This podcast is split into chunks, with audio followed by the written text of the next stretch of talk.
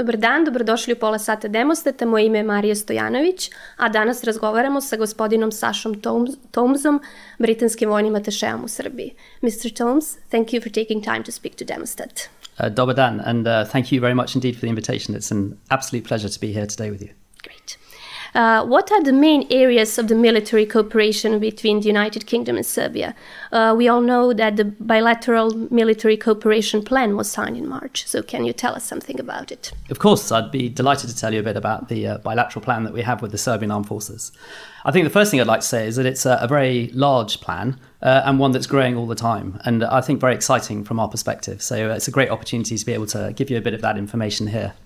Perhaps I could start with um, the most important thing that I think we do together with the Serbian Armed Forces, which is actually deploy on peacekeeping operations.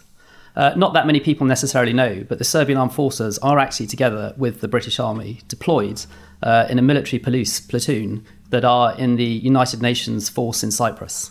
Uh, that's been going now for about three years, and something that we regard as um, absolutely the key point, really, between the relationship with our two countries. And if I may, I'd just like to pay tribute to the Serbian Armed mm-hmm. Forces. Putting your soldiers on peacekeeping operations and in harm's way is an amazing thing to do. Uh, and for us to be able to do that jointly is, is a real privilege. But of course, that's not the only thing that we do. Um, and if I think about what else we do, probably some of the main areas that we do is work together in a professional mm-hmm. relationship. Uh, we've lot, lots of areas such as human resources, but perhaps for me, the most important one is probably medical. Um, we've been building a medical relationship with the Serbian Armed Forces now for several years.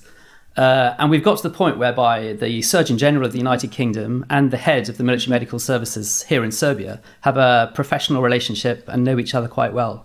And actually, our Surgeon General is now a visiting professor at the Serbian Military Academy. So that's a really wonderful occasion for us. And he's able to come over and de- deliver a number of lectures.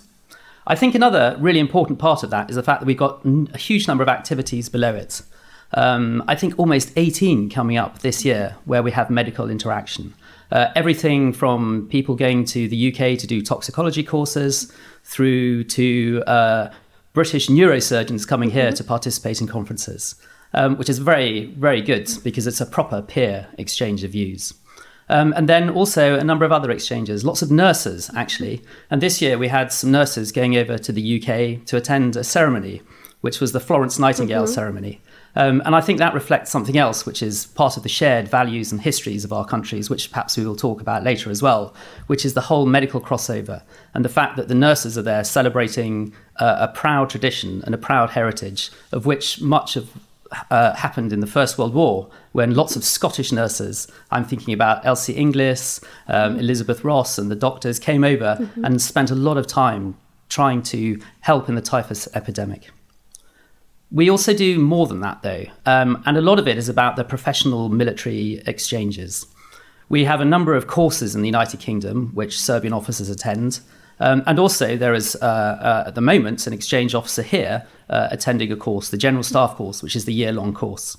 So we um, uh, regard that as the backbone, really, of our academic uh, studies. And each year, um, the Serbian, the VSBO, uh, senior staff course come over to the UK um, and we're very proud that we're able to show them really as much as we can of our government and our areas. And we were delighted this year that the Minister for the Armed Forces was able to speak to them. And I think that shows the level uh, of interaction that we have mm-hmm. and the value that we place on that relationship.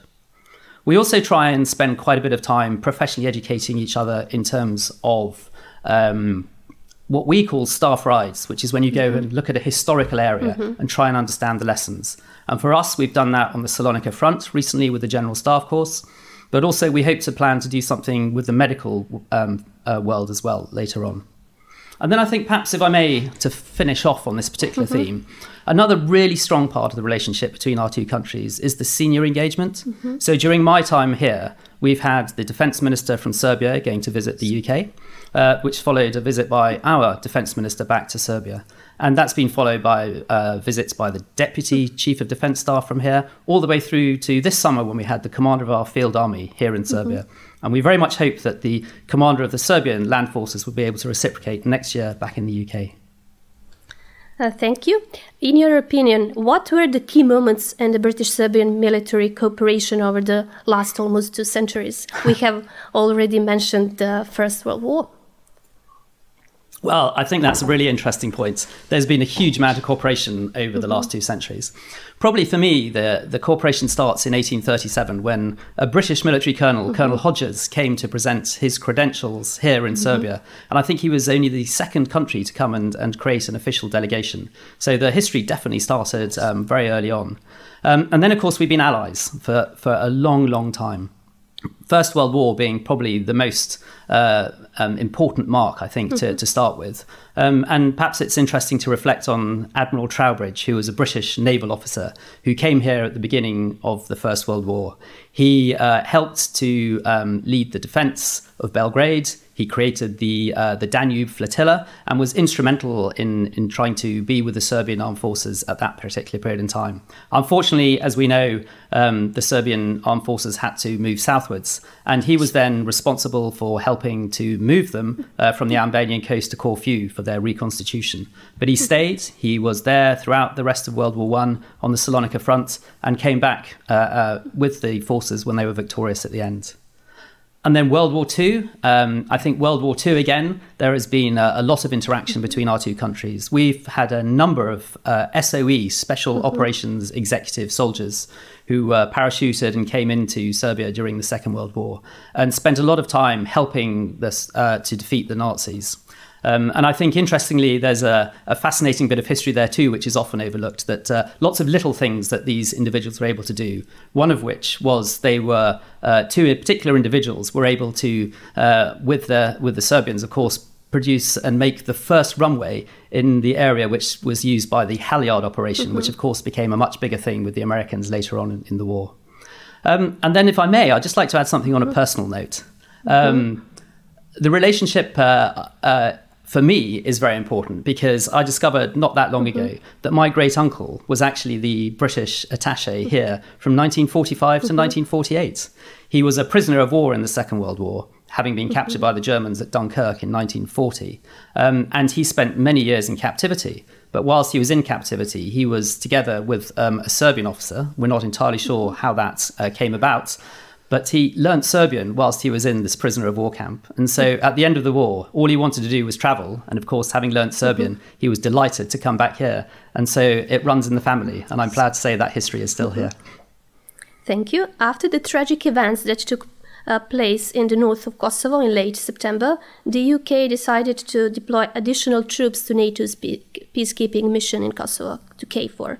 What is your assessment of the current security situation in this area? Um, if I may just say a few words about the, the British deployments, mm-hmm. um, you're absolutely right that the, the British have deployed mm-hmm. troops. Uh, I think the point I'd like to make is that absolutely they are there as part of the NATO mm-hmm. peacekeeping force, as part of KFOR. And the decision to, to send them was as a result of a request which came from the Supreme Allied Commander. Um, and of course, uh, the UK were more than happy to be able to reciprocate for a number of reasons. I think just in terms of numbers, we, we had 400. Uh, soldiers who were here mm-hmm. during the September period. Um, they were part of uh, the strategic reserve for KFOR and exercising, and we brought an extra 200 uh, later on. And I would hope that uh, what you see is that we've been able to help KFOR by bolstering its forces, by producing more professional and impartial soldiers who are able to um, uh, produce an environment really which is more conducive to peacekeeping. Uh, speaking about the NATO, what is the importance of the NATO to the British defence policy? NATO is is really fundamental to the British defence policy. Um, I think uh, NATO is really the bedrock of our defense mm-hmm. policy. It's uh, the most extraordinary organisation. Um, it's got 31 member countries. Uh, I think uh, totaling a population of about a billion people, and it's all about collective defence. Um, and I think that's the point that I would like to stress. It's about hmm. collective defense. It's about making sure that people are able to make their own decisions about what they want to do and look at a future which we have shared values and shared understanding and shared goals mm-hmm. with. Um, and NATO is something which the UK has absolutely got at the basis of its policy, and it will be something that endures for us into the future as the bedrock of our defence. Is, this is a bit of a controversial question in Serbia, but do you think that Serbia would benefit from the NATO membership? Um, I think it's a really fascinating question. I think the way to answer that for me is to say that Serbia could benefit from joining NATO or being a stronger, um, having a stronger relationship with NATO. I mean, I think the point I would like to make is uh, anyone who wishes to join NATO are, are able to do that under their own steam. And so any decision about NATO for Serbia is, is as a decision for Serbia alone, a sovereign decision. But I think there are many ways that uh, Serbia and NATO can cooperate, and indeed do cooperate at the moment. Um, Serbia at the moment is a member of the Partnership for Peace programme for NATO. Um, Serbia uh, has an individual action plan which allows it to align itself to a certain extent with NATO, and that is supported by a NATO office which is commanded by a one star general here in, in the Ministry of Defence. Um, and I think there are a number of things really which probably stand out in terms of that relationship. The first is it's about interoperability. NATO forces are able to work together. They exercise together, they have the same tactics, techniques, and procedures, and a lot of the same doctrine. And the reason why that's important is because it means that we can do multinational operations. And I think for Serbia to be able to align itself with NATO means that it's able to work with those nations and can therefore deploy on multinational peacekeeping operations, which is something we've already talked about. And again, I'd just like to pay tribute to the fact that Serbia does so much, not least of which is, for instance, uh, Witherfield Hospital in the Central mm-hmm. African Republic. Um, but I think the second one, too, is it's about professionalism. NATO is an organization which which aspires to be the very best. Um, and there are a number of areas within NATO where um, people come together to exchange and bring out the best in, in the professional armies that we have. And perhaps I can go back to the theme we talked about earlier, which is, is medical. And so there is an organization called COMEDS. It's the, it's the cooperation of the chiefs of medical staffs. And Serbia is an observer to that. Um, and I think it's a great opportunity for them to be able to understand what's happening in NATO, but also for NATO to be able to understand what's happening in Serbia and to again get that kind of peer exchange going. Thank you. As we all know, Russia is strongly opposed to the NATO's enlargement and views it as a threat to, to its own security. Can Russian aggression in Ukraine be partly justified by the NATO expansion or not?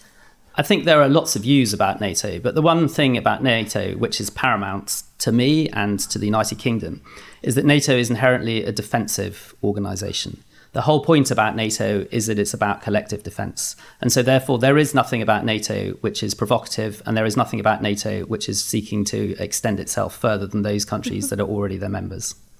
Um, and the other thing that I would just point out, um, and if we use the example perhaps of Sweden at the moment and Finland, is that actually NATO is about people wishing to be there of their own volition.